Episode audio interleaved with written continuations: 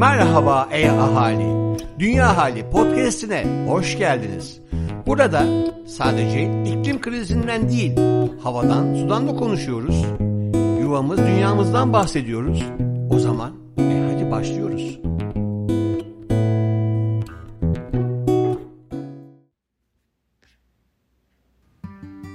Herkese merhaba, ben Manolya Russo. Bu haftaki Dünya Hali Bülteni'ni ben seslendiriyor olacağım sizlere.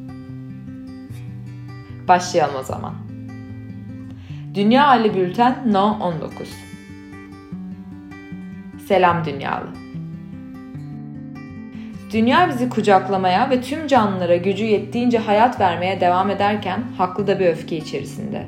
Kurumuş topraklarıyla, olağandan çok daha fazla gürleyen gök ve fırtınasıyla, seliyle, müsilaj içinde deniziyle bizi uyarıyor. Aslında tüm bu karmaşa ve gürültü içinde duymamız gereken basit bir mesaj var. İklim krizi bir kültür krizi ve değişmesi gereken iklimlerden ziyade sistemler olmalı. Başlamak zor ama geçtiğimiz hafta sevgili Nil ağaçlar gibi dünyaya sarılmaya davet etti hepimizi ve iklim dostu yaşam rehberinden bir maddeyle bir ucundan tuttu bile. Biz de hemen çağrısına kulak verdik, işe koyulduk ve hatırladık. Her birimiz çözümün bir parçasıyız. Yuvamız dünyaya sevgi ve saygıyla. Kübra Dağtekin. İklim Masası. Çağla Fadıllıoğlu. Haberler. İklim değişikliği. İklim değişikliği ve biyolojik çeşitlilik sorunu birlikte ele alınmalı. Biyolojik Çeşitlilik ve Ekosistem Hizmetleri Bilim Politika Platformu ve Hükümetler Arası İklim Değişikliği Paneli ortaklığıyla yapılan Biyolojik Çeşitlilik ve İklim Değişikliği Çalıştayı'nın raporu yayınlandı. Raporda önerilen en önemli eylemler başlıca şu şekilde. 1. Karada ve okyanuslarda karbon ve canlı türleri açısından zengin ekosistemlerin kaybı ve bozulması durdurulmalı. Yeniden eski durumlarına getirilmeleri sağlanmalı. 2. Sürdürülebilir tarım ve ormancılık uygulamaları arttırılmalı. 3. Doğal alanların korunmasına yönelik eylemler, iklim uyum eylemi ve inovasyonun da desteğiyle güçlendirilmeli. 4. Biyolojik çeşitlilik için zararlı olan yerel ve ulusal faaliyetleri destekleyen sübvansiyonlar engellenmeli. Döngüsel ekonomi Avrupa Yeşil Mutabakatı Döngüsel Ekonomi Eylem Planı Türk iş dünyasına neler getirecek? Türk Sanayicileri ve İş İnsanları Derneği tarafından Avrupa Yeşil Mutabakatı Döngüsel Ekonomi Eylem Planı Türk iş dünyasına neler getirecek başlıklı bir rapor yayınladı. Rapora göre AB sanayi stratejisi değişerek sürdürülebilir ekonomi yönüne doğru hareket ediyor ve döngüsel ekonomi AB dönüşüm programının kalbini oluşturuyor. Döngüsel ekonomi al yap tüket at modeline dayalı doğrusal ekonomiye alternatif olarak karşımıza çıkıyor. Döngüsel ekonomi modeli kaynakların mümkün olduğunca döngüde kalmasını sağlama, israfı en aza indirme ve etkin kaynak yönetiminin ötesinde rekabet ve kalkınma gibi politikalara yön verme gücüne sahip bir ekonomik model. Raporda temel olarak AB'nin döngüsel ekonomi yaklaşımıyla ne yönde harekete geçeceği, yapmayı planladığı dönüşümün hangi sektörlerde nasıl değişiklikler yaratacağı ele alınıyor. Mevcut Türk mevzuatında ilgili düzenlemeler incelenerek hangi konulardaki çalışmaların gözden geçirmesine ihtiyaç olduğu saptanmaya çalışılıyor. Sürdürülebilir şehirler 8 ilde herkes için bisiklet projesini hayata geçiriliyor. WRI Türkiye, Türkiye'nin dört bir yanında kent içi bisikletli ulaşımı yaygınlaştırmak için yürüttüğü Herkes için Bisiklet adlı yeni bir proje başlattı. Türkiye'de bisikletin ulaşımdaki payı sadece %2. da Bisikletliler Birliği, Fiat Sersbond işbirliğiyle yapılan proje kapsamında pilot şehirler olarak seçilen Adana, Antalya, Eskişehir, Gaziantep, İzmir, Kayseri, Kocaeli ve Konya'da büyükşehir belediyeleri ve ilgili STK'ların desteğiyle bisikletlerin bir ulaşım aracı olarak algılanmasını arttırmaya yönelik çalışmalar yapılacak. Köşe Bucak Dünya Profesör Doktor Levent Kurnaz Çevresel dışsallıkların içselleştirilmesi Dışsallıklar herhangi bir eylemimizin sonucu olarak üretilen ama bizi doğrudan ilgilendirmeyen çıktılardır. Mesela yaşamak için nefes alıp veririz ve bunun sonucu olarak bulunduğumuz ortama karbondioksit ve su buharı salarız. Benzer şekilde yemek yapmak için marketten çeşitli ürünler alırız. Bunların kabuklarını soyar, ambalajlarını çıkartır, yemek için kullanır, kabukları ve ambalajları çöp olarak atarız. Havaya saldığımız karbondioksit ve çöpe attığımız ambalajlar bizim için bir çevresel dışsallıktır. Aldığımız nefes ya da attığımız ambalaj kutusu başına bir bedel ödemeyiz. Dışarıya saldığımız bu dışsallıklardan bir kısmı konusunda önlem alırız. Çöp kutularına attığımız çöp gibi. Bir kısmında herhangi bir önlem almadan doğaya salarız. Arabamızdan çıkan egzoz gazları gibi. Doğaya bıraktığımız bu tür atıkların bir kısmını doğa kendiliğinden temizleyebilir. Ancak doğanın temizleyemeyeceği kısmının da temizleme sorumluluğu o atığı oluşturan kişilere düşmektedir. Bu sebeple ürettiğimiz çöpün bir temizlenme veya geri dönüştürülme maliyeti Marmara Denizi çevresindeki zirai ve sanayi işletmelerinin bu yönde dikkatsiz davranması doğanın temizleyemeyeceği bir çevresel dışsallık oluşturuyor. Ancak burada bile bir önlem alınabilmesinin zorluğunu bugün hepimiz görerek yaşıyoruz. Dışsallıkların içselleştirilmesi konusundaki iki temel problemle karşı karşıyayız. Bu iki problem de kolay çözülebilecek problemler değil. Bu problemlerin ilki bir anlayış problemidir. Arabada portakal soyup kabuğunu camdan dışarı attığınız an bir dışsallık yaratıyorsunuz.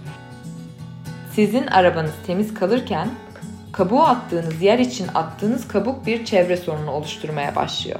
Portakalı soyduğunuzda kabuğunu saklayıp bir çöp kutusuna atmanız bu problemi gidermek için yeterlidir.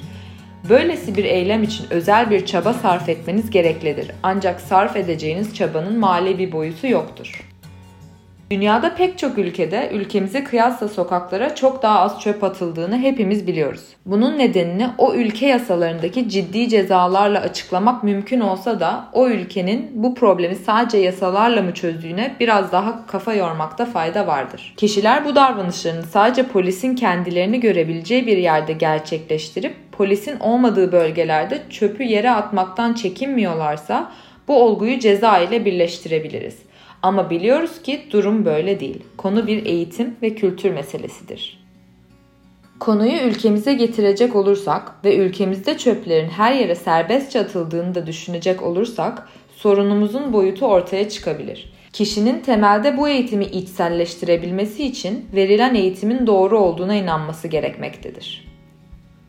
Yani sokaktan geçerken çevreye atılmış izmaritler veya portakal kabukları kişiyi rahatsız etmiyorsa onu eğitmenin imkanı neredeyse yoktur. O halde ülkemizde çoğu kişi bu görüntüyü neden doğal karşılıyor sorusuna cevap aramamız gerekiyor en başta. En basit mantıkla bizler göçebe hayatından yerleşik düzene veya padişahın mülkünden şahsi mülkiyete daha yeni geçtiğimiz için yaşadığımız yerin bizim olduğunu henüz içselleştirmeye başlayamadığımız söylenebilir. Başka bir deyişle evimizin ya da arabamızın içi bizim ama sokaklar bizim değil. Dolayısıyla da evimizin içini ya da kapımızın önünü temiz tutmak bizim açımızdan önemli ancak bir adım ötesi bizim olmadığı için devletin sorunu haline geliyor. Burada da bizim aslında devleti içselleştiremememiz ve devleti yurttaşların bütününden farklı bir varlık olarak algılamamız yatıyor. Ne zaman devleti içselleştirebilirsek o zaman bireylerden doğan çevre sorunlarına eğitim ve kültür ile çözümler üretmeye başlayabiliriz. Bireylerden kaynaklanan çevre sorunları esas problemin ilk ve nispeten daha kolay çözülebilir ayağını oluşturuyor. Dünyanın karşılaştığı büyük problem çevresel dışsallıkların içselleştirilmesinin yani doğaya bırakılmadan işlemden geçirilip doğanın üstesinden gelebileceği bir forma sokulmasının ciddi bir maddi sorun oluşturması noktasında ortaya çıkıyor. Arzu Sak Seyhun, Ebru Baybara Demir Ebru Baybara Demir 23 yaşındayken babasının memleketi Mardin'e geri dönüp şehrin ilk turizm işletmesi bu süre zarfında Baybara Demir sadece bir şef değil bir sosyal girişimci olarak da gerek ulusal gerek uluslararası ölçekte ciddi öneme sahip birçok projeyi gerçekleştirdi. Ebru Baybara Demir kendisini bir sosyal gastronomi şefi olarak tanımlıyor. Benim işim sadece yemek yapmak değil, o yemeğin insanların hayatlarını ne kadar değiştirdiğini de görebilmek diyor. Ve topraktan tabağa uzanan gıda zincirinin her halkasında emeği bulunuyor. Eğitim ve gelir düzeyi düşük olan Mardinli ve Suriyeli mülteci kadınların bildikleri en iyi işten başlayarak onların kimliklerine uygun bir ekonomi yaratarak bunu sürdürülebilir kılmak hedefiyle kolları sıvayan Baybara Demir'in Murat Cercis konağı sonrasında hayata geçirdiği bir diğer proje ise Harran Gastronomi Okulu. Baybara Demir'in en önemli önceliklerinden biri kadın istihdamını sağlamak. Bu amaçla 2018 yılında Birleşmiş Milletler Gıda Tarım Örgütü'nde desteğiyle hayata geçirdiği Yaşayan Toprak Yerel Tohum Projesi'nde geçtiğimiz yıl 24 kadın mühendis ve 350 kadın tarım işçisi istihdam edilmiş. Proje ile bir yandan da iklim krizinin getirdiği kuraklığa da çareler ve alternatif gıda üretim yolları bulmaya, bu konuda bir örnek sistem teşkil etmeye çalışılıyor. Nitekim şu anda konuşmamız gereken en önemli konu en yakın zamanda yüzleşeceğimiz hatta yüzleşmeye başladığımız iklim değişikliği ile birlikte kuraklık ve en önemlisi gıdanın sürdürülebilirliği. Toprağı iyileştirme, yerel tohumların korunması ve sağlıklı gıdaya erişim konularında ilerlemek adına Mezopotamya'nın en eski atalık tohumlarından sörgülün Suriyeli mültecilerin de geleneksel tarım bilgilerinden faydalanarak susuz tarımla yerleştirilmesi için Mardin'in Artuklu ilçesinde ekilen 102 dönüm araziden elde edilen 20 tonluk ilk hasat bu proje için başlangıçtı. Sörgül buğdayı Mardin'den sonra bu senede Konya Obası'nda ekildi. Fakat Baybara Demir, meteorolojik kuraklığın yanı sıra tarımsal ve hidrolojik kuraklık konusunda da uyarıda bulunuyor. Bu noktada iki güvencesi var. Bunlardan ilki susuz yetişebilme özelliği olan yerel buğday çeşitleri, bir diğeri ise küçük çiftçinin yerel üretimi. İhtiyaçtan doğan fikirleri hayata geçiren Baybara Demir'in son projesi ise gıda atıklarından kompost yaparak organik gübre elde etmek ve bu proje Baybara Demir'in sürdürülebilir gıda zincirine bağını bize bir kez daha gösteriyor. Yeşil Köşe Ayda biter. FIA Uluslararası Otomobil Federasyonu Formula 1 yarış organizasyonunda 2020'den itibaren 2030'a kadar karbon emisyon değerlerinin net sıfıra indirileceği açıklandı. Bu yolda %100 yenilenebilir yarış yakıtı geliştirmek, yakıt araştırmasına aktif yatırım yapmak, yakıt verimliliğini ise %2,4 arttırmak amaçlanıyor. Paris Anlaşması'ndan sonra iklim krizine karşı aksiyon almak isteyen federasyon, Formula 1'de hibrit güç ünitesine geçiş yaptı. V6 turbo hibrit güç ünitesi eskiden kullanılan atmosferik motora kıyasla %20 daha çok güç, %26 daha az karbondioksit üretiyor. Aynı zamanda hibrit motorlarla verimlilik olarak %29'dan %50 üzeri değerleri açıkıldı.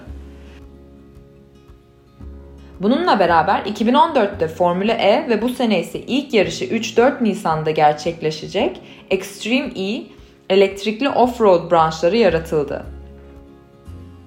Extreme E iklim krizine dikkat çekme amacıyla iklim değişikliği nedeniyle tehdit altında olan ortamlarda yarışlar düzenliyor. Hatta Extreme E'de tüm nakliye işlemleri hava yoluyla taşımaya kıyasla yaklaşık 100 kat daha az karbon emisyonu yaratmasından dolayı deniz yoluyla yapılıyor. Sıfır karbona düşmek için FIA'nın teknik departmanı tarafından yapılacak araştırma, geliştirme çalışmaları ve üretim ile %100 sürdürülebilir yakıta geçilecek. Ayrıca F1 tedarikçilerini de kendi yakıtlarını geliştirmeye teşvik etmek ve 2020'den itibaren FIA'ya bağlı düzenlenen diğer şampiyonalarda da sürdürülebilir yakıta geçmek amaçlanıyor. FIA Başkanı Jean Todt, dünyanın başta gelen enerji şirketlerinin de desteğiyle olabilecek en iyi teknolojik ve çevresel performansı yakalayabileceklerini söylüyor. Yuvam Dünyalılar ne yapıyor? Öneriler Özgül Öztürk İzliyoruz. Gezegenimizde bir yaşam. Gezegenimizde bir yaşam 95 yıllık yaşamıyla bir hazine haline gelen yayıncı ve doğa tarihçisi Sir David Attenborough'un Netflix'te yayınlanan son belgeseli. Önceki belgesellerine kıyasla gezegenimizde bir yaşamın farklı bir tonu var.